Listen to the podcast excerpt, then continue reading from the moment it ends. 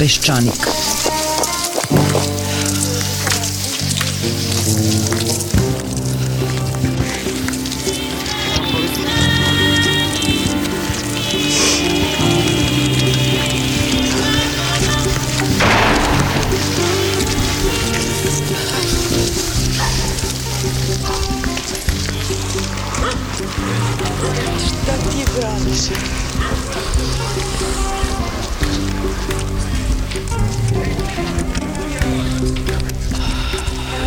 Peščanik.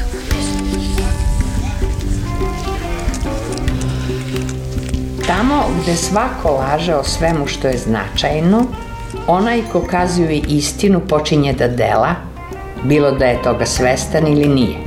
Tako se i on upliče u političku delatnost, jer u slučaju da preživi što nije sigurno, on započinje promenu sveta. Već od juče, od četvrtka, teško da ste nekoga mogli da nađete na poslu. Iako jeste, upravo se užarbano spremao na neki put.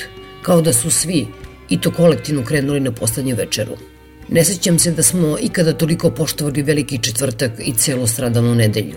Ili je to u pitanju ili jednostavno i onako nemamo šta da radimo jer je sve stalo u očekivanju nove vlade, odnosno novog Vučićevog juriša na nešto. Izgleda da će prva na udaru biti javna preduzeća za koja se, gle čuda, ispostavilo da će, ako nastave da radi kao do sada, sahraniti državu. Njima će u buduće, kako se najavljuje, lično komandovati Aleksandar Vučić. Od desetina i stotina miliona evra koja su pokradena preko javnih preduzeća kojima su upravljali partijski kadrovi, ne samo DS-a, već i aktualnih vladajućih stranaka, čoveku se zavrti mozak i pita se odakle uopšte toliko novca za krađu. Odgovor je prilično jednostavan, iz kredita, i to onih koji su dobijani pod, kako su govorili, najpovoljnijim mogućim kamatama od prijateljskih zemalja, od ličnih prijatelja, a koji će naravno biti upotrebljeni za investicije, posticanje proizvodnje i zapošljavanje. Nedavno gostovanje profesora Pavla Petrovića, predsednika Fiskalnog saveta u Peščaniku, uznemirilo je mnoge naše slušalci i čitaoce. Znali smo da mnogo toga nije u redu, ali kada od takvog čoveka iz rečenice u rečenicu slušate te strašne cifre, imate osjećaj kao da vam neko zabija ekser po ekseru šake. U današnjoj emisiji govorit će Milan Knežević iz Asocijacije malih i srednjih preduzeća. Kada posle profesora Pavla Petrovića čujete kako on i njegove kolege iz svoje pozicije vide državu Srbiju, teško je poverovati da posle velike subote i hada nužno sledi vaskrsenje. Govori Milan Knežević. Mi ćemo ostati upamćeni u svet kao jedina zemlja koja je opljačkala samu sebe. A tako obimna pljačka bila je moguća samo tako ako napravite od institucija potpunu razvalinu. I sad smo došli dotle da se to u logici zove diktat predmeta stvari. To je ona pozicija u kojoj nemate nikakvog izbora. Nemate rezervnu varijantu šta da radite. Sad je vreme oročeno. U prošloj godini 150.000 firmi je bilo povremeno u blokadi, 46.000 je sad u blokadi, u evropskim zemljama tržišno uređenim 98% ukupnih privrednih odnosa otpada na mala srednja preduzeća i preduzetnike. Preduzetnici su ljudi koji se samo zapošljavaju i garantuju za svoj posao ličnom imovinom. Samo smo mi država koja njih tretira kao pravna lica, ne dajući im nikakve olakšice i nikakve benefite, nego ih ubijemo pa pitamo što imaš u svoju odbranu da kažeš. U ovom trenutku od 220.000 preduzetnika negde oko 60.000 firmi je u blokadi. Drugi veliki problem je što je u Srbiji uspostavljeno 36 milijardi hipoteka na privatnoj imovini i imovini pravnih lica. Na drugoj strani imate javni sektor koji se razmnožava po principima kao amebe, prostom diobom i svakodnevno ih je sve više i više i oni u stvari svaki dan 8 sati smišljaju kako iz javnog sektora da osmisle poluzakonska rešenja i zahvate sve iz realnog sektora. Tako da i kad pokušavam da pozitivno mislim, nemam ni jedno uporište i ni jedan reper jer ja vidim trend iznutra. Ja vidim šta se događa u privredi. Stalno pominjem jednog mog prijatelja koji je izbegao u vreme rata i u Los Angelesu je otvorio pekaru, zaposlio dvojicu radnika i dobio je čestitku od gradonačelnika Los Angelesa na koji je pisalo gospodine, grad Los Angeles i ja smo zahvalni što ste zaposlili dvojicu naših sugrađana. Nažalost, ovde su privrednici kao kužni ljudi. Na jednoj strani imate tajkune, jedan deo tih ljudi koji zaista stvaraju negativnu sliku, koji su uzimali ogromne kredite koje ćemo mi morati da vraćamo, svi porezki obveznici, a na drugoj strani imate 320.000 privatnika i preduzetnika koji se svakodnevno pokušavaju opstati u zemlji u kojoj je sve protiv privrede, u kojoj je sve protiv biznisa i u kojoj se svakodnevno izmišljaju stotine hiljada obaveza koje nigde ne postoje. Reći ću vam tri primjera koje su jako poučna. U Erika su se kleli prošle godine kako će sve učiniti da se privreda pokrene, da ona pokrene zapošljavanje, kako se nalazimo na prekretnici, donesena su tri najsramnija zakona koja nigde na svijetu ne postoje. Jedan je da se ukine kredit na investicije, Tako što će sad, kad neko kupi mašinu, taj celokupni iznos biti osnovica za oporezivanje poreza na dobit i time smo postali jedina zemlja na svetu koja je oporezovala investicije. U zapadnim zemljama, dok god vi ulažite, vi ste najpoželjniji privrednik za tu zemlju, jer samo je ulaganje mogućnost otvaranja novih radnih mesta, proširenje biznisa i veći interes kroz poreze koje država i društvo ostvaruje. Drugi je zakon bio da se uvede porez na imovinu pravnih lica, a da za poresku osnovicu uzmete neamortizovanu vrednost e, osnovnog sredstva. Na zapadu uopšte ne postoji uređenim tržičnim zemljama takav porez. Moja fabrika služi da ja u njoj proizvodim proizvod od kojeg država ima ogromnu korist. Ona je moje osnovno sredstvo, ja ne stanujem u svojoj fabrici nemam bazen u fabrici. Ja u njoj proizvodim za interese države, mojih radnika i za svoj interes. Skoro sam imao jednu Borhesovsku situaciju, suprug od sestre Zorana Đinđića u Valjevu se bavi biznisom i bio je moj gost da mi objasni šta je radio. Kaže, njemu su nastrešnicu u Valjevu, koja je izvan gradske zone, procenili od 3000 kvadrata tako da bi za taj iznos mogao da kupi 60 dvosobnih stanova u Beogradu. Mi smo zajedno nazvali sa novinarima predsjednika opštine u Valjevu i on je rekao da mi smo pogrešili, zaračunali smo 28 puta veći porez nego što bi inače trebalo. Treća stvar je recimo ekološka taksa, neko je to smislio u nekom kabinetu, oni e, smisle e, zakonski okvir po kojem će pljačkati državnu substancu. I sad jedan moj tekstilac uvozi mašinu za štepanje jorgana koja je teška tonu i po, njemu naplate ekološku taksu 75.000 na bruto težinu te mašine. U Evropskoj uniji vi ekološki otpad odnesete u reciklažni centar, oni vam plate to, kažu hvala vam gospodine što smo došli do jeftinih sirovina, a vi ste uz potvrdu da ste predali reciklažni otpad, svoju građansku i privrednu društvost obavili jer ne zagađujete okolinu. Ne, ovde računaju dosetili se na ukupnu težinu. Ja nazovem referenta u ministarstvo tamo u Kapkin zamak, javi se dama i kažem dobro razumem Ali zašto na celu težinu mašine? Kaže, pa to će svakako jednom završiti na otpadu.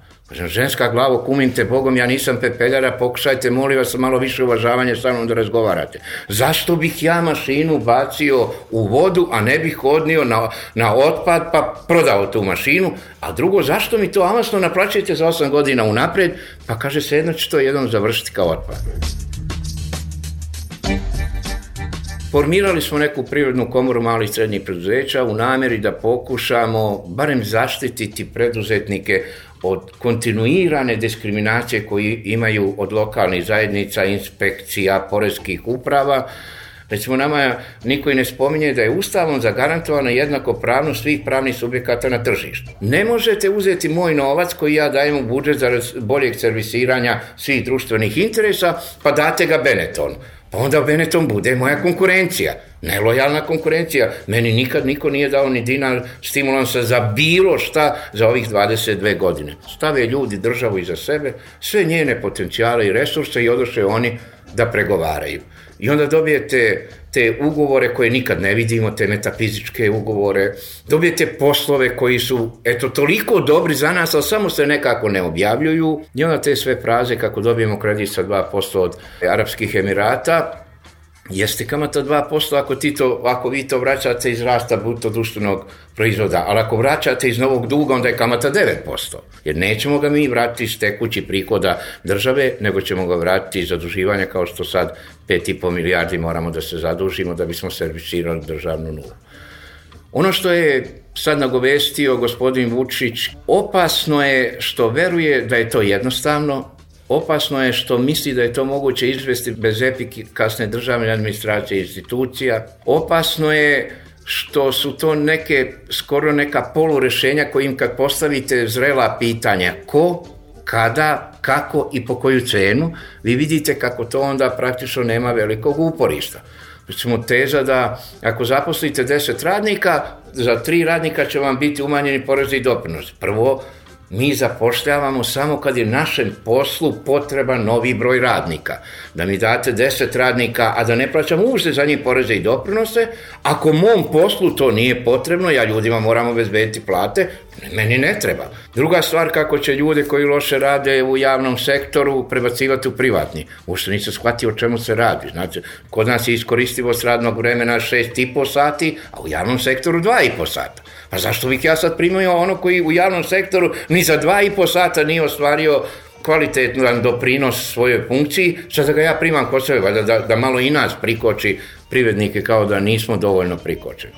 Podaci, pogotovo globalni, ovo što je iznio kod vas, gospodin Pavle Petrović, ovo što smo čuli neki dan i od ljudi kad smo organizovali taj panel, to što smo čuli za budžet i za ovo nije optimistično, iako se privreda ne rastereti, ako se ne izborimo sa nelegalnim tržištem, ako ne izvršimo poresku reformu, ako ne uradimo ono što je gospodin Radulović pokušao da uradi ta četiri zakona, zakon o radu, zakon o privatizaciji stečaju, zakon o prostornom planiranju, zakon o zanatstvu, smo jedina zemlja na svijetu koja nema zakon o zanatstvu, U Nemačkoj se na šegrtovanje upisuje 24% ukupnih srednjoškolaca, kod nas 3%. Ja ne znam gde su našli ni one varioce što su trebali da zavare one cevi za gasovod, verovatno smo i njih uvezli. Mi nemamo 10 ljudi koji imaju sertifikat da su obučeni da vare cevo, da mislimo praviti gasovod od 500-600 km. Nažalost, mislim da smo sad došli do toga da se to zove diktat predmeta stvari, da izbora nemamo, da je vreme oročeno, u kojoj će se meri vući radikalni potezi, Plašim se samo da sa vodom ne izbacimo dete i da u nameri da nešto ne sredimo kao slon u porcelanskoj radnji ne uradimo daleko više zla. Ako još u ovih šest meseci ti potezi ne daju efekte, mislim da će epilog u idućoj godini biti pad budžeta, ovo što je govorio i profesor Petrović, nama treba 5,5 milijardi, mi na ime kamata dajemo milijardu, mi smo već sad posuđujemo sa 7%, mi ćemo imati, zamislite vi, naše stručnjake, velike ministre koji uspiju budžetski deficit 100% da promaše. Znate, pa to da imate namjeru da promašite za 100 procenata budžet, ja ne znam, treba biti genijalan, pa u planiranju promašiti nešto duplo. Gospodin Dinkić je rekao najveću istinu prošli put. Mi smo budžet pravili od oka. Svi ministri traže duplo više nego što znaju da će dobiti, ali eto nekim se nađe da oni istaknu najviše što im treba. Obično rebalancom traže još, niti ih ko pita kako ste potrošili, koji je kvalitet usluga koji ste vi učinili u ime svih građana. U nas su ministri isto kao faraoni. Niti ko šta pita, niti ko šta sme pitati, niti ko sme provjeriti kakav nam je autoput. Evo sad smo saznali da svakih 5 km autoputa kad se završi mora početi ovaj krpljenje tog istog autoputa. Znate, utaja na debljini i kvalitetu asfalta milijardama se meri. To su sprege kontrolora i nadzornih organa sa izvođačima. Ovaj zna da ga niko neće kontrolisati. Mi idemo od pretpostavke da su nam inspekcije časne, od pretpostavke da sudstvo radi kako treba i stalno smo zaskočeni svešću i iskustvom uređenih zemalja, kod nas takav društveni ambijent ušte ne postoji. Evo sad vidimo šta je se radilo s Kosovom. Svaki dan vi samo vidite kako je to na sve strane, kroz javne nabavke milijarde evra, kroz investicije milijarde evra. Tako da mi ne možemo napraviti proizvod koji se zove država, što bi rekao profesor Zec. Ne znam zaista kako će se to završiti. Ono što me više brine je jedan jedno stanje opšte rezignacije kod ljudi. Ljudi su energetski, biološki potrošeni, volja je ravna nuli. Znate, mi kao porodica koja je spakovala sve stvari stoji na železničkoj stanici čekajući neke smislene vozove koji god dođe, oni prođe. I stalno nas neki novi mesija teši kako će doći naš voz. Ali evo nekako starost se sve više približava i ni jednog dana u uređenoj zemlji. Naš spoljni dug je otprilike 38 milijardi. Ako država ne uspe prodati samo jedno kolo obveznica, nama pada budžet. Privreda duguje u zemlji i kroz border kredite 19 milijardi i 200 miliona evra. Dugujemo mi jedni drugima u zemlji 4 milijarde i 600 miliona evra. Čak 46% firmi imaju gubitak iznad ukupnog kapitala firmi. I dalje pada kupovna moć, pada na drugoj strani promet, a rastu vam troškovi.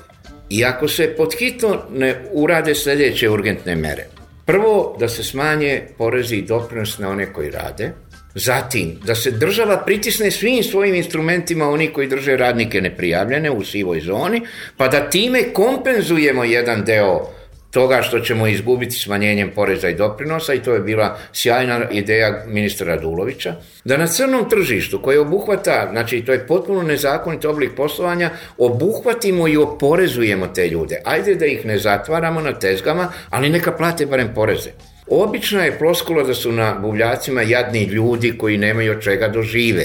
Da Ni na jednoj tezgi vodio sam gospodina Simića, direktora Poreske uprave na Parčevački buvljak, na jednoj tezgi je bilo 55 novih bicikla koji je čovek prodavao. Prošao je sa mnom jedan krug i rekao mi Milane vodi me odavde, povraćam se. Znači, ajde da ih oporezujemo, onda će to crno tržište ući u legalne i lojalnu konkurenciju, Pa ćemo onda napraviti jedan prostor da mi više ulažemo, a veća ulaganja će dovesti do većeg zapošljavanja. Da paradoks bude veći. Mi u ovoj zemlji nemamo ušto uložiti novac. Sve da ga imamo, evo ja sam javno jednom na B92 rekao, moli vas, kogod ima posao u kojem možemo zaraditi 10%, neka mi se javi, ja ću da ga isfinanciram. Mi smo limitirano tržište, monopolizovano od velikih tržnih centara, Mi ovde, oni koji su bili bliski sa politikom, jer mi smo imali stranačku ekonomiju, i što god si bio bliže vlasti, stranci i političkim oligarsima, to je tvoja firma rasla preko bankarskih kredita, preko iluzija. Došli smo do toga, do 10 najbogatijih ljudi u Srbiji duguju milijardu evra. Oni imaju privatni portfolio izuzetno dobar, a hoće da dugove otplaćujemo vi ili ja ili drugi porezki obveznici. Pa evo vidite, oni ne mogu da naplate gospodinu Đurić porez, ne mogu gospodinu Perčeviću, evo sad gospodinu Bogičeviću naplaćuju porez u starom nameštaju, stvarno smo pretvorili tu lakrdiju i parsu, duguju po 500-600 miliona dinara. To je taj mrtvački poljubac. Vi kad krenete da privilegujete određene privrednike u društvu kao nemirno dete, onda vam se oni vrate tako što se sad i bivše i ove vlasti plaše da likvidiraju firme koji će sa sobom povući na desetine malih firmi i verovatno 10 do 15 hiljada radnika će ostati bez posla. A ovi su to znali, ne smijete nas vi zatvoriti, ne smijete nas blokirati u ime poreza, vi nama morate davati kredite, morate izmisliti kako da nam date kredite iz fonda za razvoj, fonda za tehnološko unapređenje, iz različitih banaka u kojima su oni dobijali kredite na poziv. I mi smo došli u jednu situaciju u kojoj ni za što nemamo rešenje. Svako od sada rešenja koje bismo povukli, po vokaciji je svoje toliko radikalno da vuče ogroman broj posljedica. U redu je kad mi plaćamo cenu pa vidimo da, da smo svojom žrtvom doprinjeli pozitivnom trendu. Ali kad mi plaćamo cenu, a ono biva sve gore, onda se čovjek u jednom trenutku upita pa doprinosim li ja tim gorem? Verujte, privrednici su sad potpuno izgubili poverenje u državu, jer ovo je antidržava. Kod mase privrednika već urežilo mišljenje, sačuvaj šta bilo, otmi od države, jer će ova država oteti sve od tebe. Jer prvo što se ja kao porezki obveznik upitam, šta ja imam od poreza koji plaćam? Imam li bolji put? Pa nemam. Imam li bolju kulturu? Nemam. Imam li bolji obrazovni sistem? Nemam. Pa jesam li ja omogućio da se ukrade u Agrobanci 400 miliona? Jesam. Jesam li ja u fondu za razvoj omogućio da se milijardu i 600 miliona evra ne vrati? Jesam. Jesam li u Universal banci ja sa svojim porezkim sredstvima omogućio da se ukrade 170 miliona evra? Jesam. Znači imate potpunu absurd i ludilo da time što vi izdvajate novac za smislene društvene sadržaje omogućavate sve veću društvenu pljačku. I sad ljudi gube poverenje u državu, preuzimaju ruku, stvar u svoje ruke, rade na crno, ne plaćaju poreze, otvoreno kažu ja ovakvoj državi neću da plaćam poreze. Jer država mora odrediti smisao tog porezkog obveznika. Pa mi ne dajemo poreze da oni rade šta hoće. Mi smo isisali sve što su bili potencijali jedne zemlje i da zlo bude veće, evo ni sad se to ne zaustavlja. Sad se neko setio dnevnica, sad se neko setio troškova, sad se neko troši automobila. Srbija je prva u Evropi po broju službenih automobila na ukupan broj ljudi koji radi u državnoj administraciji. 27.000 ljudi ustane svaki dan da se neko vozi u zemlji koja je dva sata do Niša i, i dva do Subotice. Kud se više voze? rotacija imamo koliko imamo državnih činovnika, jer on nije neko ako nema rotaciju. Rotacija je mera njegove političke karijere. Ustavni sud je donio odluku da 15. maja firme u restrukturiranju državne njih 153 moraju početi da plaćaju što duguju dobavljačima i da dobavljači mogu da počnu vršiti utuživanje. Ako bi se to dogodilo, ti 153 firme bi bile automatski blokirane, u njima je zaposleno 53.000 ljudi, i to bi zaista izazvalo jedan ogroman socijalni bunt. I koliko vidim, već sad oni traže načina da prođu mimo Ustava. Nije prvi put da mi prođemo mimo odluka Ustavnog suda, tako što će se napraviti neki dodatni grace period, koliko sam shvatio, do oktobra, kako bi se završilo restrukturiranje tih 153 preduzeća i kako ne bismo ih uvukli u kolaps. Jer ako bismo primenili odluke Vrhovnog suda sa 15. majom, mi bismo imali 50.000 nezaposlenih i likvidirani 153 firme. To su firme koje za nas, preduzetnike, predstavljaju najveće poniženje. Za pet godina mi, porezki obveznici, smo dali tim firmama 4,5 milijarda evra. Sve te firme su u goroj situaciji nego što su bile pre pet godina. I one žive taj takozvani rajski biznis. Dajte nam koliko nam treba, mi ćemo usmeravati investicije na svoju rodbinu, mi ćemo kroz javne nabavke zarađivati veliki deo novaca, a nas država ne sme zatvoriti, ne sme kao Saša Radulović ni čak ni tražiti podatke kako oni troše tih naših 700 miliona evra koje godišnje dajemo. I te firme su legla korupcije i nezakonitog rada I, nažalost, uslov Svetske banke da bismo dobili kredit od 250 miliona je da taj problem rešimo. Bilo je do maja meseca, sad, nažalost, će biti do oktobra, ali nećemo dobiti kredit od 250 miliona evra dok god to ne rešimo. O kojim firmama tu govorimo? Pa to su kablovi Svetozarevo, železnica, prva petoletka, pa Priboj, IMT, IMR, Simpo tu takođe? Nije, Simpo je, Simpo je bliže naučnoj fantastici. Simpo je privatna firma koju država izdržava. To je, će biti nečuven privredni obrazac. I vi imate većinski vlasnici Simpa 53% su privatni akcionari. Pa kad je država htela da konvertuje njihov porezki dug u vlasništvo države, oni su rekli, ne, ne, ne može to po ceni po kojoj vi kažete, po ceni duga, nego sad da im oni akcionarima, da im država još doplati malo, bez obzira što su potrošili preko 3 milijarde evra, ja mislim da, su, da smo do sada dali Simpa.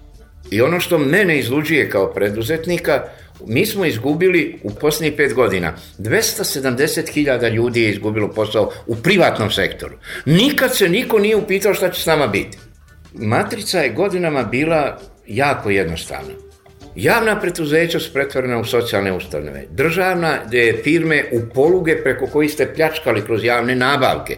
Jer ta preduzeća u restrukturiranju i državna preduzeća su služila da neki vaš partijski prijatelj formira preduzeće ili firmu, odradi jedan deo javne nabavke, postoje hiljadu načina da vi usmerite tendersku nabavku na nekog na koga želite. Ukupne javne nabavke u Srbiji su oko 3 milijarde i 600 miliona evra i država je najveći potrošač u zemlji.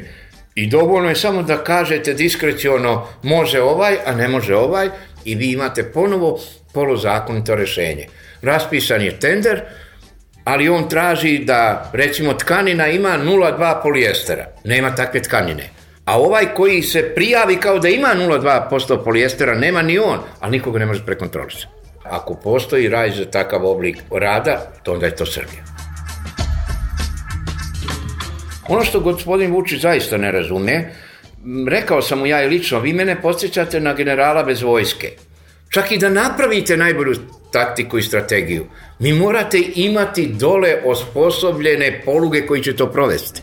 Evo, problem privrede tiče se najmanje četiri ministarstva. U ministarstvu trgovine su vam inspekcije. U ministarstvu financija su vam porezi, carina, financijske policije. U Ministarstvu pravde mora vam suditi u oročenim vremenima kako ne bi štitili dužnike, nego kako bi štitili poverioce. Međutim, ovde je sve naopako i vi ne možete sastaviti četiri ministra da ručaju, kao što ste videli, on čak ni na vladu neće da dođu, ušte ne razumijem da neće da dođu na vladu. Ako ne napravi se jedno telo od 4-5 ministarstava na nivou državnih sekretara koji će de, definisati hijerarhiju problema koje treba da uradimo. Odrede izvršioce, odrede monitoring, vreme i sankcije, ništa nećemo uraditi. Jer ludilo je da vi kažete trebamo uraditi sve. Pa ne možete uraditi sve. Vi morate definisati prioritete i na njima raditi. Kad privrednik sad ima problem, bilo koji problem, ne postoji ni jedna institucija koja se u zemlji može obratiti. I plašim se da će gospodinu Vučiću to biti pirova pobeda. Ja u jednu stvar i zaista ne sumnjam, a to je u nameru da on hoće da nešto uradi. Jer on vidi ono što mi svi u zemlji vidimo. Da smo mi korak pred kolapsom. Hoće li on moći to uraditi sa pozicije individualne moći demonstracije političke sile? Ja ne verujem. Mnogo bi me više ozarilo da krenemo postupno snaženjem institucija i da on svoj politički akumuliranu ogromnu snagu iskoristi da podrži sudiju koji sudi, inspektora koji je nadležan, čoveka u MUP-u, pa da nam neko saopšti kako je institucija uradila dobro.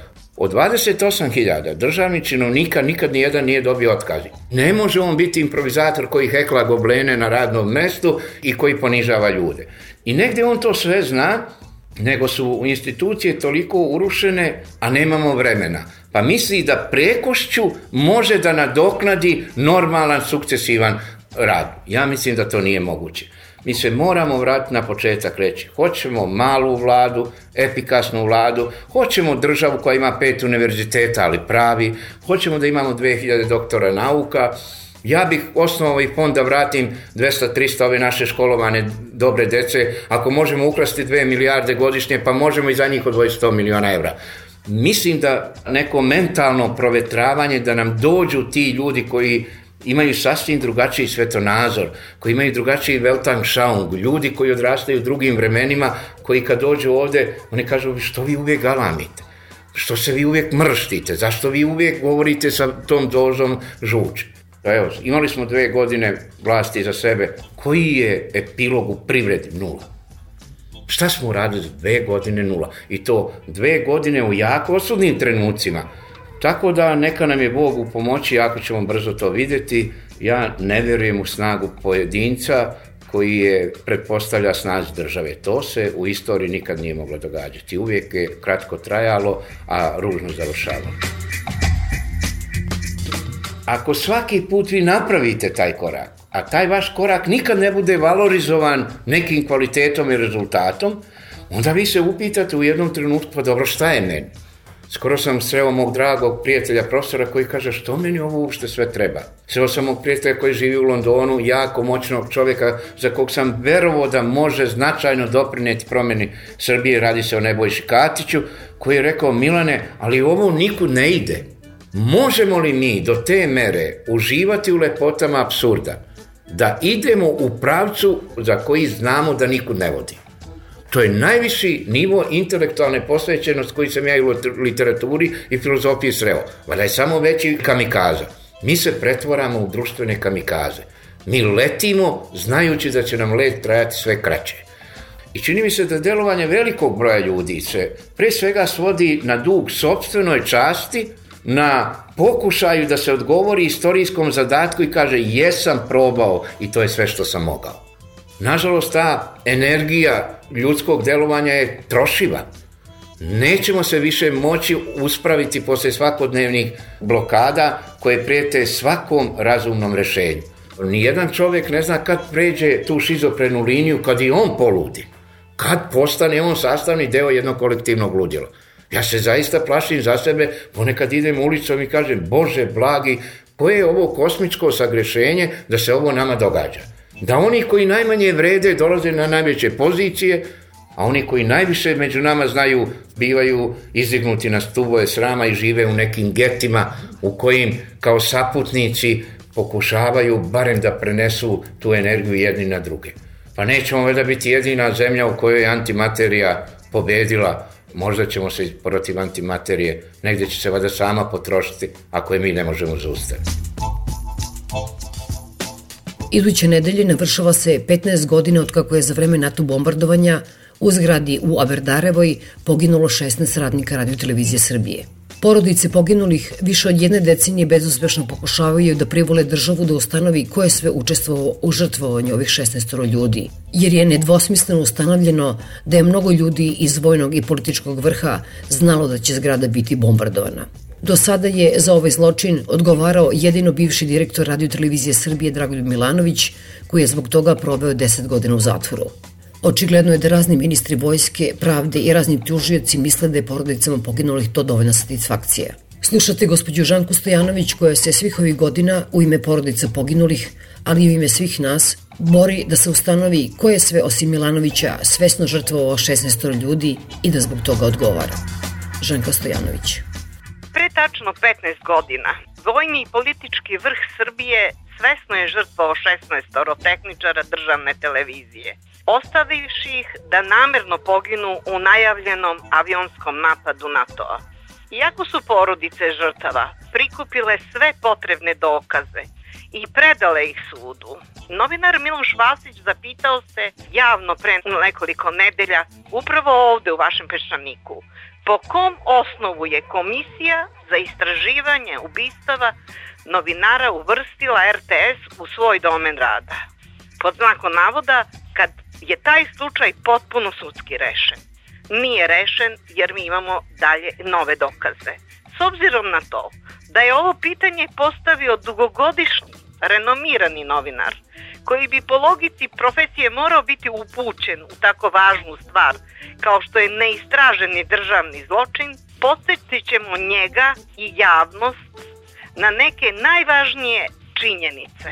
Naravno, u ime svih porodica ovo činim. Za razliku od ostalih slučajeva koje istražuje Matićeva komisija, žrtvovanje tehničara RTS-a jedini je slučaj kojim državno tužilaštvo pod raznim izgovorima odbija da se bavi.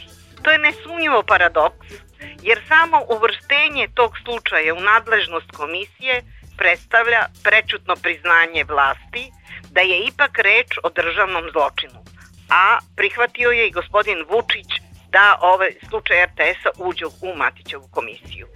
Iako je tužilaštvo već od ranije prihvatilo pokretanje sudske istrage oko ubistva novinara Dade Vujasinović, Slavka Ćuruvije i Milana Pantića, o zločinu na RTS-u, ono jednostavno neće ništa da zna. Za razliku od gore navedenih slučajeva, gde tužilaštvo i istražni organi tek treba da se bave utvrđivanjem činjenica i prikupljanjem dokaza, u slučaju RTS-a same porodice radnika RTS-a su već prikupile sve najvažnije činjenice i materijalne dokaze i predočile ih kako javnosti, tako i samom tužilaštvu. No tužilaštvo, osim što godinama oteže i obstruiše proces, do dana današnjeg nije pomereno sa mrtve tačke. Prvu dokumentovanu krivičnu prijevu porodice su podneli još pre punih 8 godina, 2006. kad je objavljena tišina u Aberdarevoj Zorana Janića.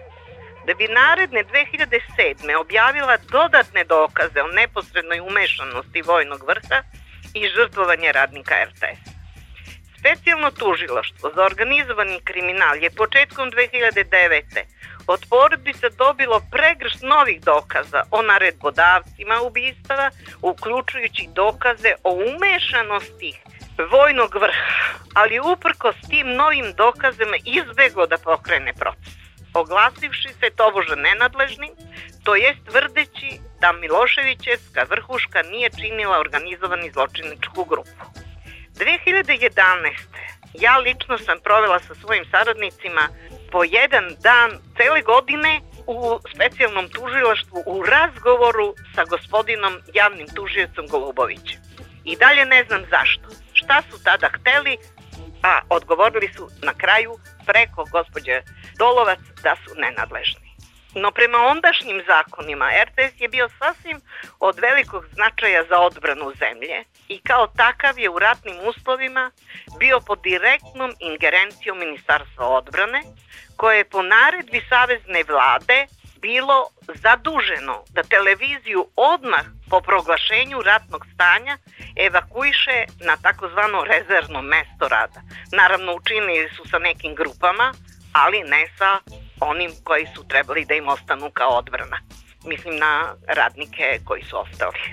Ministarstvo, to jest nadležni i rukovodeći oficiri su tu naredbu nisu izvršili po instrukcijama Miloševića i njegovih vojnih glavešina i time su skrivili pogibiju radnika RTS. Za evakuaciju RTS-a direktno je bio zadužen pukovnik Petar Bajčin, koji je prethodno obavljao dužnost jednog od glavnih logističara generala Mladića u Hrvatskoj i Bosni. Mi imamo velike dokaze u vezi toga, ali jednostavno sud ne želi da to čuje. Istraga o liniji te komandne odgovornosti bile su dakle vrlo jednostavna ukoliko bi neko u Srbiji hteo da učini.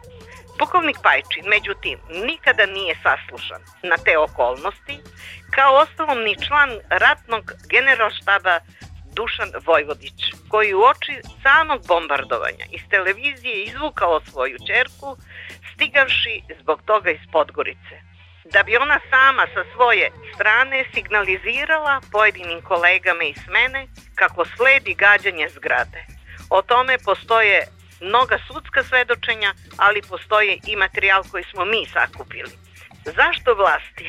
Ako zaista žele da razreše ovaj slučaj, jednostavno ne saslušaju ovu dvojicu važnih aktera.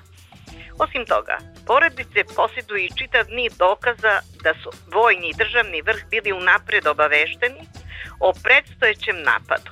Jedan od takvih dokaza je dosije pravne uprave Ministarstva odbrane broj 466 iz 2001 sastavni deo tog dosijeja su dva zasebna i treći sumarni izveštaj oficira bezbednosti iz kojih nedvosmisleno sledi da je vojska SRJ odmah po poletanju prestrela i dešifrovala komunikaciju s bazom aviona koji je krenuo na RTS. Dakle, da je cilj bio poznat nakon pola sata ranije, ali da generalštab nije ništa učinio da makar ljude evakuiše iz zgrade. Sva ta tri izveštaja ekstenzivno je citirao potpukovnik Laki Đorović, u to vreme visoki činovnik Ministarstva odbrane, naloživši u svojoj preporici da se pomenuti dokumenti moraju trajno arhivirati, dakle oni postoje, kao i sam potpukovnik Đorović, koji je voljan da o tome svedoči. O ovom što sam ovog momenta izgovorila, postoji još jedan dokaz i to dokaz sa trojicom ljudi sa kojim su nas pozvali da nam to ispričaju i da znaju. I to je prezentirano i kroz knjigu, a i predato i sudu. Saznavši za postojanje tih izveštaja, porodice su se 2007. obratile ministru odbrane Šutanovcu, koji im je obećao da će im dosije pružiti na uvid, ali nikada ne izvršio to svoje obećanje. Dosije postoji, rekao je Šutanovac, ali u njemu nema izveštaja koje porodice zahtevaju. U ličnom razgovoru sa gospodinom Šutanovcem i sa gospodinom Đorovićem i Miroslavom Bojčićem u kancelariji kod gospodina Šutanovca držao je taj dokument u svojim rukama, čeprkao svojim prstima o dokumentu da proveri da li gospodin Đorović govori istinu i vratio nikad više ne pokazavši da to postoji. Jesena sam je, međutim, zamenik okružnog tužioca Zoran Đošić pokazao nekako obaveštenje Vojno-bezbedonosne agencije u kojem stoji da je dosije uništen još 2004. Tim u vezi evo nekoliko napomena koje stoje ako se takav jedan dokument uništava. Prvo, na tom dosijelu stajala je oznaka da mora da bude trajno arhiviran, on dakle nije mogao biti uništen. Kao drugo, i da je stvarno bio uništen, neko odgovorno lice je o tome moralo da donese odluku koju bi opet verifikovala nadležna komisija.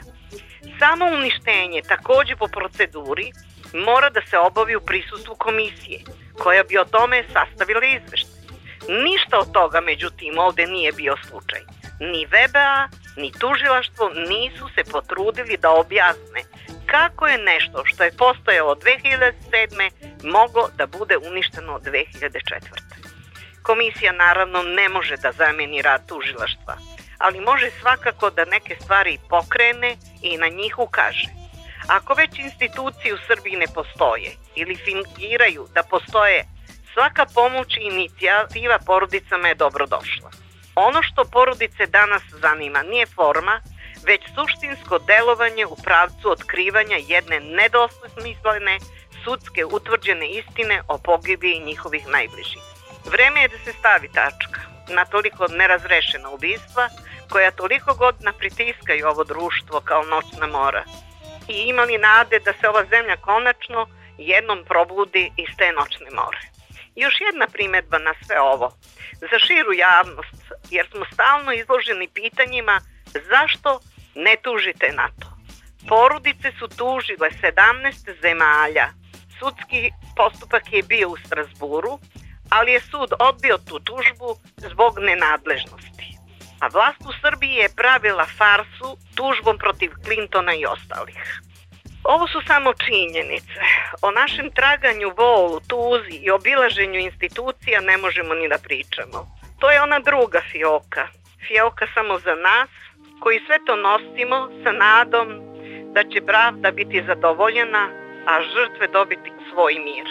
Ovako, ova Srbija ih ubija po drugi put.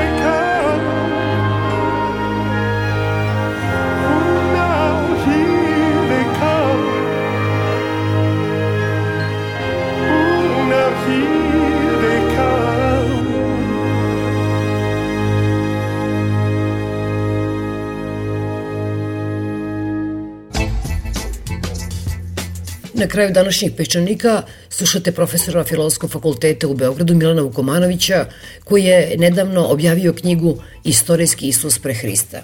Za Božnji smo na sajtu Peščanika objavili opštenan razgovor sa njim povodom te knjige, ali evo za uskrs, za one koji Peščanik prate isključivo posredstvom radio stanica koje nas prenose, najzanimljivih delova istog razgovora. Milan Vukomanović. nas u stvari od e, samog istorijskog Isusa odvajaju zapravo čitavi stratusi i kumulusi oblaka i magli nagomilanih vekovima. Jer to su sad različite interpretativne tradicije i strategije koje su tokom vekova teolozi u vezi sa tim e, razvijali, jer oni se ne bavi istorijskim nego postistorijskim Isusom, u stvari Hristom vere zapravo. I meni je ta distinkcija bila jako važna, jer ono što je mene zanimalo jeste istorijski Isus, dakle Ješua Hanocri, jevrin koji živa u prvoj trećini prvoga veka, on sam u stvari kao istorijska ličnost je bio izuzetno zanimljiva jedna ličnost. Ono što ljudima često izmiče iz vidokruga kad se bave samo tim Hristom vere, jel? da ta istorijska ličnost je dovoljno zanimljiva, dovoljno upečatljiva, dovoljno originalna da zavređuje našu pažnju.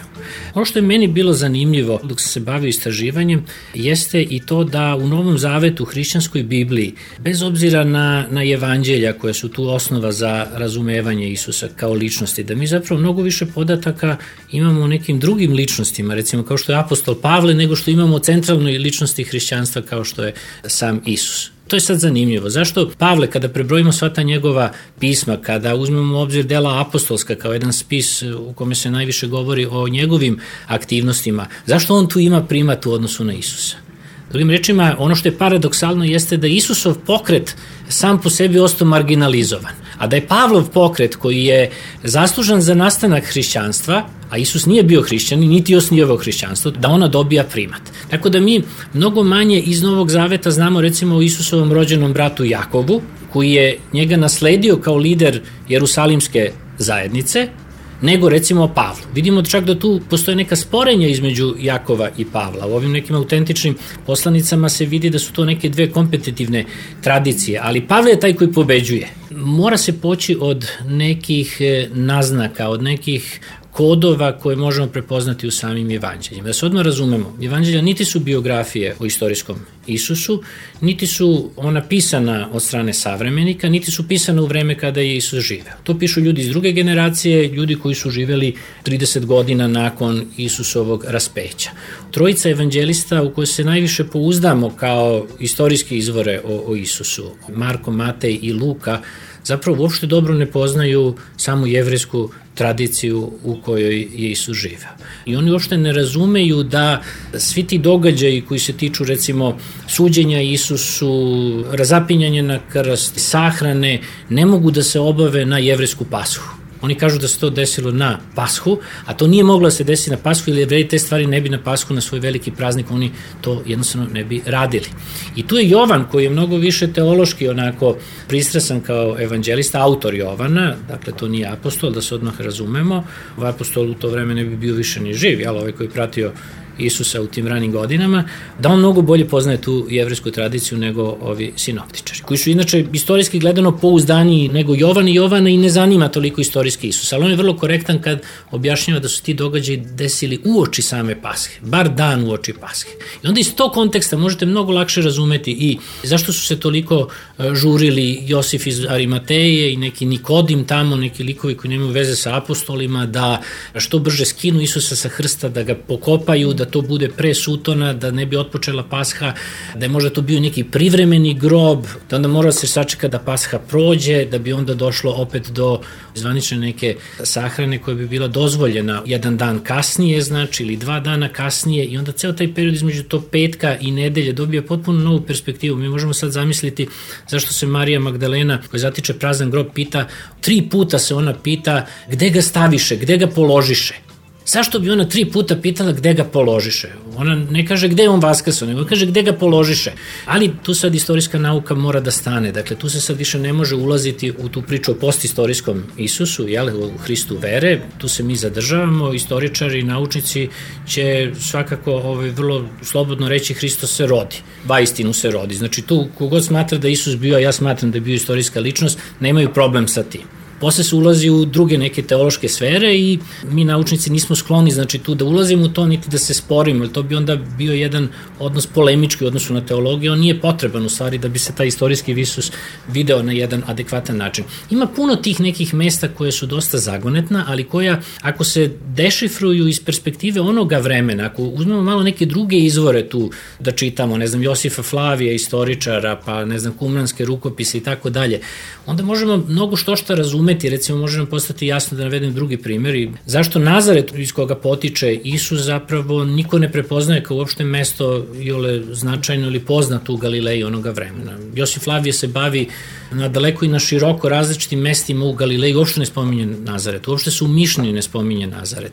O čemu se radi? Da li je uopšte Nazaret tada bio neko mesto po kome bi Isus Nazarećanin jel, dobio taj svoj epitet ili se možda radi o nekom drugom epitetu? Onda ja prispitujem tu dve alternativne mogućnosti, da je on možda bio Nazorej, Imamo takođe, samo je razlika mala između ovog NCR i NZR kao nekog korena u hebrejskom jeziku Nazorej ili čak Nazirit, da li se on kao Nazorej pridržavao zakona Tore u stvari, pa su po tome oni nazvani kasnije Nazorejska jeres, imamo neko Nazorejsko evanđelje ili Nazirit, neko kog se pridržava određenog zaveta, da neće piti od vina, da neće jesti grožđe, da neće koristiti proizvode od vinove loze, da će puštati bradu, kosu dok traje taj zavet. Ali ono što sam ja u samoj knjizi, koja zaista nije previše pretenciozna, nije ni velika knjiga, pokušao da otvorim jedan prostor gde se te alternativne mogućnosti čitanja i te neke alternativne tradicije mogu uzeti u obzir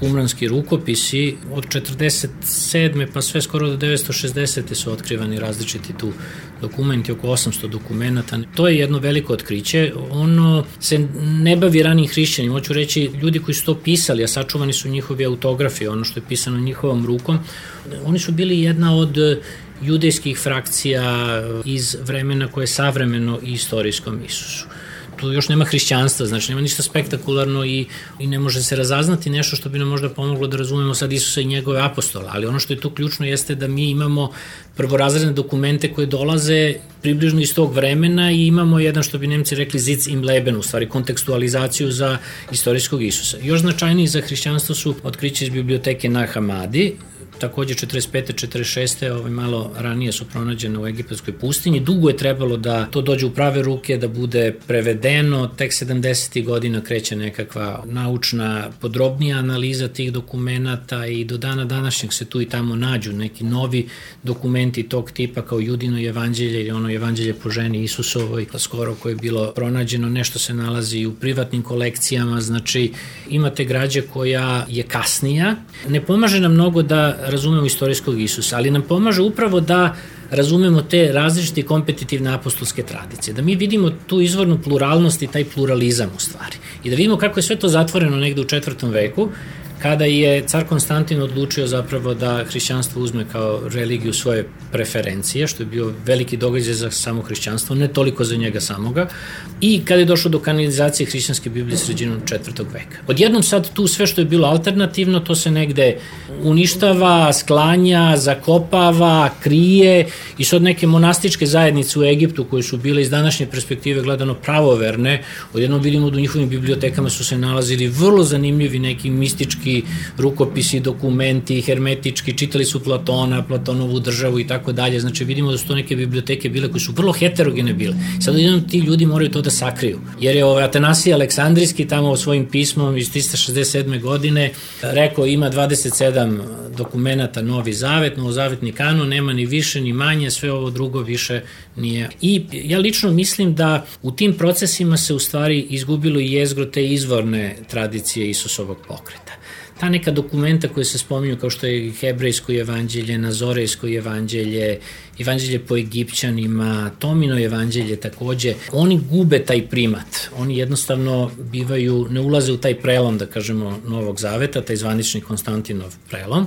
I kao takvi oni bivaju potisnuti kao tradici. Sad, da se vratimo na ono, meni sad paradoksalno to da Isusov pokret, u stvari Isus, njegovi apostoli, njegov rođeni brat, Marija iz Magdale, verna učenica, znači koja je imala tu primat među ženama i tako dalje, da oni su u stvari skrajnuti u tom celom spinovanju, da kažemo, modernim jezikom, u stvari jednoj vrsti retuširanja te istorije, a da iskasavaju likovi koji uopšte tad nisu ni upoznali Isusa, niti znaju nešto o tome, kao recimo apostol Pavle, i koji obavljaju tu ključnu transformaciju tog nekog eskatološkog judaizma ili kako god da nazovemo religiju tog Isusovog pokreta, to svakako jeste bio judaizam, od njega prave zapravo hrišćanstvo. E sad, taj put sam ja pokušao da ocrtam u knjizi i e, video sam Pavla i njegovog saradnika Luku koji piše i evanđelje i dela apostolska kao ključne za nastanak hrišćanstva. Tim rečima, Ješua Hanocri nije osnovao hrišćanstvo. On sam paradoksalno nije bio snivač hrišćanstva, nego su to bili ljudi iz neke kasnije generacije ili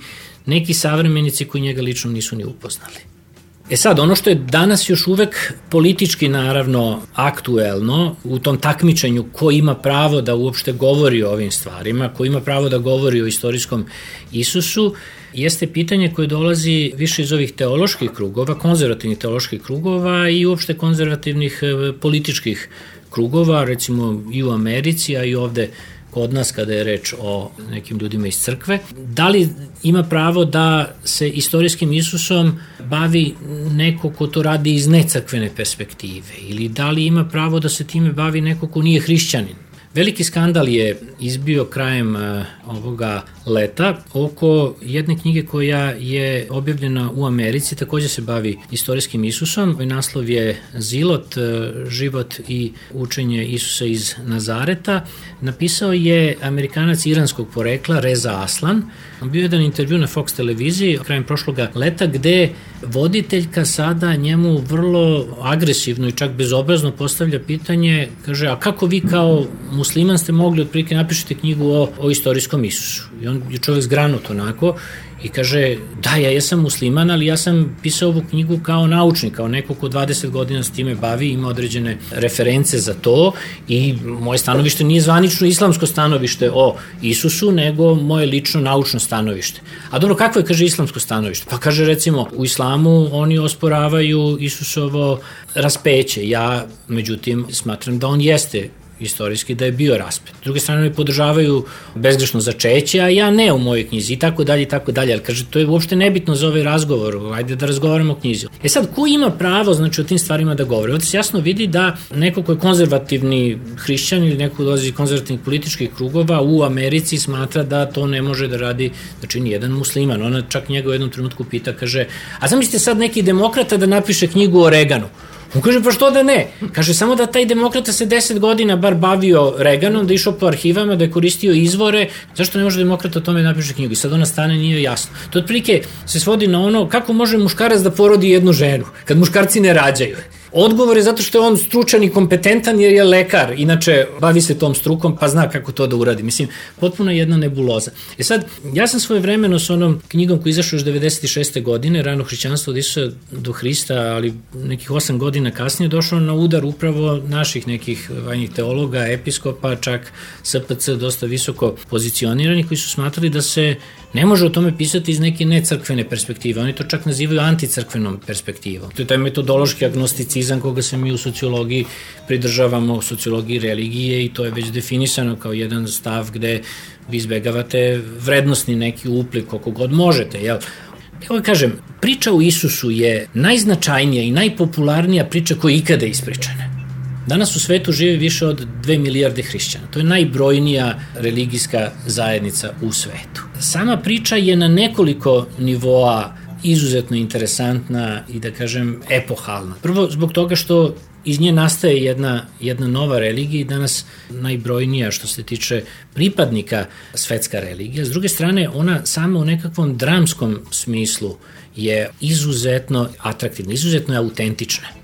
Pazi, zašto bi sad ti rani hrišćani želeli da prikažu svog lidera kao čoveka koji biva raspet na krst i strada na jedan sramotan način? Tako su se banditi, razbojnici kažnjavali u rimska vremena. Čak se kaže da je on između dva bandita bio razapet. Zašto bi neko čak želao tako nešto da izmisli kad je to samo po sebi vrlo skandalosno? Drugo, ta patnja na krstu, to mučenje, to stradanje, to je nešto sa kim ne može čovek na jednom univerzalnom nivou da, da ne saoseća u stvari u, u toj patnji, čak i da nije hrišćanin. To samo po sebi jeste jedno stradanje koje se pretvara naravno u triumf posle, to je toliko samo po sebi znači zanimljivo, atraktivno, originalno da ne možemo verovati da neka istorijska ličnost nije iza toga stajala. Ali mi moramo razumeti stvarne razloge zbog čega je Isus raspet. Zašto bi Rimljani želeli da tako surovo kazne čoveka koji inače propovedao nekakve stvari koje bismo mogli i dan danas potpisati u etičkom nekom smislu, znači kao neka uputstva za život i recimo njegova beseda na gori. Šta se tu u stvari desilo? Zašto bi neko u ona vremena, u ta turbulentna vremena i religijska i politička, bio razapet na krstu, a stajao natpis iznad toga da je on judejski kralj i svi mu se podsmevaju kao judejskom kralju. To je nekakva politička pretenzija. Ne može to se satiti samo u nekakvom metaforičkom smislu. Isus jeste propovedao doktrinu o carstvu Božjem. Ako tu ima nešto iz evanđelja što možemo izvući kao izvorno njegovu doktrinu, on se nije bavio samim sobom. On nije neku hristologiju propovedao kao Pavle i ovi kasnije. On je želao svoj narod, svoje sledbenike da privede Bogu i Božjem carstvu. I negde je u tom procesu cela ta stvar prevođena od strane Rimljana, od strane ljudi koji nisu ni razumeli njegov aramijski jezik kao određena politička pretenzija. On je neko ko hoće drugim rečima bude car ili kralj u tom carstvu, predvodi neke ljude. E, ne možeš sad u Palestini koja je ove, rimska provincija tamo, ima svog e, guvernera i tako dalje, ne možeš ti polagati pravo ni na kakve političke pretenzije. Kakav si ti to kraj? I sad krene tu sad, naravno, krene od usta do usta sad ta priča, ovo je taj kralj judejski, vidiš, on je ušao u Jerusalim tamo na Magarcu i tako dalje, nešto je tamo rušio po hramu, neke stolove, on je neki buntovnik. Vrlo je moguće u stvari to doprinosi tragizmu tog završnog segmenta i evanđelja, da je tu došlo do nekog epohalnog nesporazuma u stvari da se potpuno pogrešno protumačilo i njegova ličnost, znači od strane ovih koji su bili outsideri, koji nisu razumeli jezik, koji su dosta površno na to gledali, koji je bilo sve jedno tog dana da li će da pogube još jednog jevrijskog buntovnika i tako dalje, da je zapravo čovek ne samo da je stradao na jedan tako surov način, nego je stradao iz izvornog jednog nesporazuma. I to doprinosi tom tragizmu. Ne možemo da se kao ljudska bića ne identifikujemo sa time. To je na kraju krajeva predmet eh, Šekspirovih nekih drama to je najveća moguća drama koju možemo da zamislimo. Iz toga mora nešto da se rodi. E, ali to se rodilo opet na jedan način koji ne prati izvornu tradiciju, nego na način koji je to blisko sad onim takođe strancima koji ne dolaze iz Judeje, ne dolaze iz Galeje, žive u dijaspori, govore grčki i sad Pavle im to prevodi na neki jezik koji je njima blizak. Znači tu se sad vidi odjednom ne neka istorijska ličnost, nego neki kosmički Hrist, neko ko je spasitelj sveta, neko ko je univerzalna jedna ličnost, malte ne neko vaskrsli Hristos, postistorijski Hristos, kako ga ja nazivam. Znači neko ko potpuno ima sad neke druge epitete i druga svojstva nego što ga ima istorijski Isus. Istorijski Isus kad bi sve to video šta se desilo nakon njegove smrti, on, on bi bio čovek šokiran, mislim. Iznadilo bi u kom pravcu judaizam otišao, tek kad bi vidio hrišćanstvo, njemu ništa ne bi tu bilo jasno, mislim, šta se napravilo u tom hristološkom kontekstu. I taj istorijski Isus, on se nužno mora rekonstruisati iz tog vremena, on je bio i učitelj, kako ga nazivaju, i bio je nekakav čudotvorac, i bio je neka mesijansko eskatološka ličnost, Sva ta svojstva su prikazane u evanđeljima, ali ono što mi moramo takođe da znamo jeste da čudotvorci, učitelji, rabini i te mesijansko-apokaliptičke ličnosti nisu bile redkost u ono vreme, naprotiv.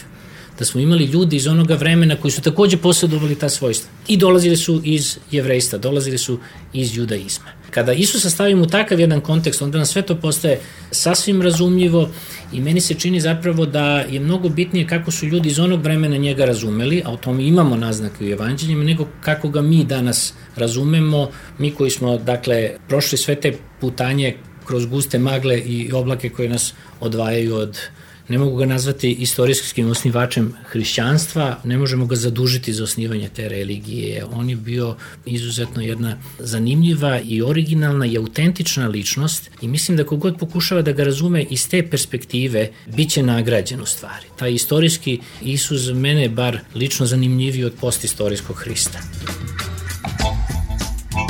Jedna od stvari koja je tu dosta važna da se odmah razume, a može se izgubiti iz vida ako se čitaju evanđelja bez dovoljno pažnje, je da život koji je opisan u evanđeljima, Isusov život, zahvaćeno je jedna do dve, najviše tri godine života. Od onog trenutka kada ga Jovan Krstitelj krsti na Jordanu, to nije ovo današnje hrišćansko krštenje, to je nešto drugo bilo u ono vreme, do trenutka kada on raspet i strada na krstu, znači to su svega nekolike godine, znači dve do najviše tri godine, možda i godinu dana čak. Kod nekih evanđelista to izgleda i da je kraće bilo. Sami evanđelisti ne nastoje da prikažu uopšte taj raniji život Isusa.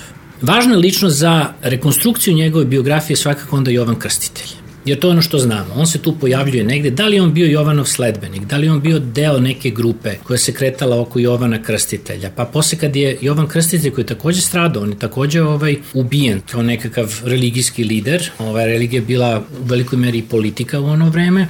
Zanimljivo da je Isusov brat Jakov takođe ubijen i sam Isus je ubijen. Imamo znači taj sled tih tragičnih dešavanja od Jovana Krstitelja, njegovog pogubljenja, Isusov pogubljenja do Jakova i njegovog pogubljenja. Jakov nasleđuje Isusa u stvari kao lider eh, zajednice u Jerusalimu. Možemo pretpostaviti da Isus u jednom trenutku se osamostaljuje u odnosu na tu zajednicu oko Jovana Krstitelja. On sam počinju da ga nazivaju eh, ravi ili rabi, znači učitelju, to nalazimo u evanđeljima, on propoveda, on ide kroz Galileju, ide kroz te ruralne više krajeve, on se ne kreće u urbanom kontekstu tu je čovek iz naroda, ja bih rekao. To nije neka učena mnogo frakcija nekih književnika i ljudi koji su, odnosno ovih e, tumača, tore, fariseja, nekih sadukeja. On nije tu ni čovek e, u vezi sa ritualom u samom hramu, znači u Jerusalim on dolazi, svega se upisu dva dolaska i taj drugi put to je on stradao u Jerusalimu. No čovjek iz naroda koji propoveda neku doktrinu o carstvu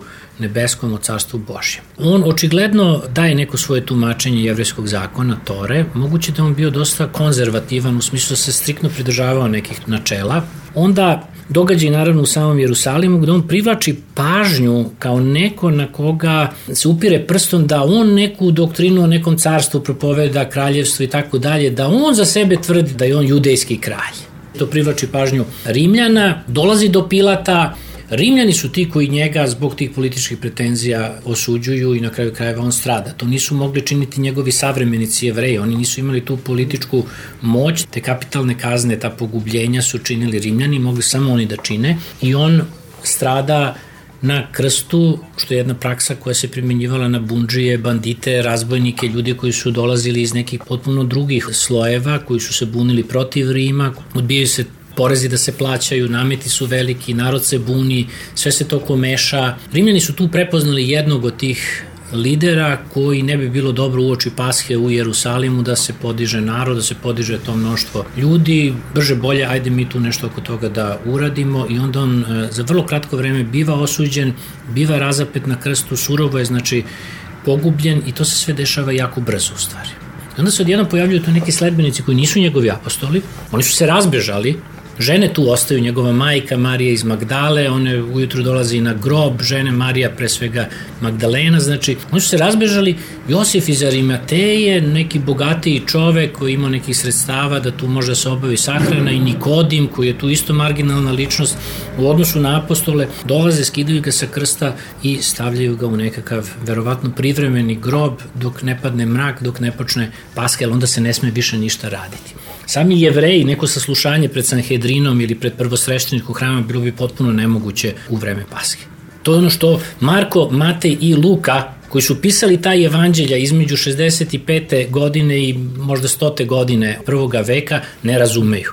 Imamo onda posle u Pavlovim pismima neke kontakte sa tim liderima Isusovog pokreta. Petar se spominje Jovan i Jakov, Isusov brat, kao lideri te zajednice u Jerusalimu. Ja lično mislim da Isov brat Jakov je jedna jako zanimljiva ličnost, da u stvari e, imamo čak danas naučnike kao što je Robert Eisenman recimo koji izašao sa jednom e, vrlo interesantnom tezom da ako ćemo da otkrijemo istorijskog Isusa otprilike kakav je bio njegov brat Jakov, takav je verovatno bio i sam Isus. Ja sam se zadržao znači na tome da pokušam da ukažem te neke znakove na putu, znači ta neka mesta koja mogu da nam pomognu da mi možemo istorijski postaviti neke tu kamene međaše, ne možemo mnogo znati, ne možemo znati više od onog što manje više nalazimo u evanđeljima, jer pod rimskih historičara, kod Josifa Flavija, mi ne nalazimo ništa što bi moglo da nam u tome pomogne. Ali imamo puno o ljudima koji su savremenici bili Znamo šta znači biti učitelj u prvom veku među jevrejima, znamo šta znači biti čudotvorac, znamo šta znači biti mesijansko-apokaliptička ličnost sa nekakvim pretenzijama političkim. Postojali su znači ti hasidi, čudotvorci, sveti ljudi, kako su ih zvali, Mesijansko-apokaliptička ličnost znači upravo propovedati doktrinu o nekakvom Božjem carstvu, o nekakvom izbavljenju jevreja i na kraju krajeva i o jednom političkom cilju da se oni oslobode od rimske tiranije, robstva i da postanu nezavisni u odnosu na Rim. Na osnovu toga onda mi možemo mnogo bolje razumeti istorijskog Isusa, a da ne moramo imati eksplicitne neke naznake o tome u evanđelju. Kako sada takav jedan istorijski Isus postaje ovaj Hrist o kome i sada mi čitamo i u evanđeljima. Tako što Pavle ide u Solun, ide u Atinu, ide u neke druge gradove, tamo u Efes i tako dalje, možda i u Rim, pa je planirao da ide u Španiju i sad govori na tim trgovima. Dođite ovamo, počujte ovu priču o, o Isusu Hristu koji je vaskrsao, ja sam ga video na putu za Damask, obasjalo me nekakvo svetlo, govori o tom svom mističkom preobraćenju, ja sam proganjao prvo Isusove sledbenike, na kraju sam on je shvatio ovaj, celu poentu toga i on daje jednu vrstu teološke interpretacije tih događaja. Ali daje ljudima koji dolaze sasvim drugog jednog kulturnog miljeja, ljudima koji govore druge jezike i ljudima koji nemaju pojma ko je bio taj Isus iz Nazareta koji je stradao u Jerusalimu negde oko 30. godina ovaj prvog veka. To su ljudi koji slušaju Pavla u periodu recimo između 40. do 60. godine, malo preko toga, neki 20 godina traje ta njegova misionarska aktivnost, što je mnogo duže nego Isusova aktivnost i ona očigledno daje rezultate. Ali istovremeno vidi se u pismu da on, postoje neke tenzije sa ovom frakcijom koju predvodi Jakov. Kao da oni nisu želeli, ovi Jakovljevi sledbenici, da on toliko propoveda među nejevrejima. Sam Isus nije propovedao među nejevrejima u stvari, on je propovedao među svojim narodom. Pavle čini taj pomak. Bez toga hrišćanstvo ne bi nastalo. Mora je neko da se okrene Grcima i ovim drugim narodima, ne jevrejskim, da bi hrišćanstvo postalo svetska religija. I to je ključni pomak. Bez Pavla nema hrišćanstva. Pavle je tu levičar. On želi da transformiše. On kaže zašto samo među jevrejima? Ajde sad da to radimo među Grcima ali mora traži dozvolu od Jakova. A onda kad dobije dozvolu od Jakova, onda on ide propoveda među njima, pa onda kaže ovo, a zašto bi oni morali da prihvate uopšte jevrejski zakon ili Toru? Zašto da mi njih odmah ne krštavamo i oni odmah postaju, obukli su se u Isusa. Krstili su se i obukli su se u, u Hrista, jel? I onda sad on traži dozvolu i za to. I sad tu ima neki koji kažu ne mogu oni sad, kako da sad prekršete obaveze jevreskog zakona, hranu koju koriste, pravila čistote i tako dalje. I sad Pavle je taj koji zapravo gotovo anarhistički pravi jednu izmenu u tom konceptu I dok je Jakov tu konzervativni, on je na toj desnoj strani, on je tvrd, on je ono hardliner što bismo rekli i pokušava se drži izvorne tradicije. I on ne uspeva, uspeva Pavle, zato što Pavla razumeju. Jakova ne bi razumeli u Atini i u Solunu i u Efesu. O tome se radi.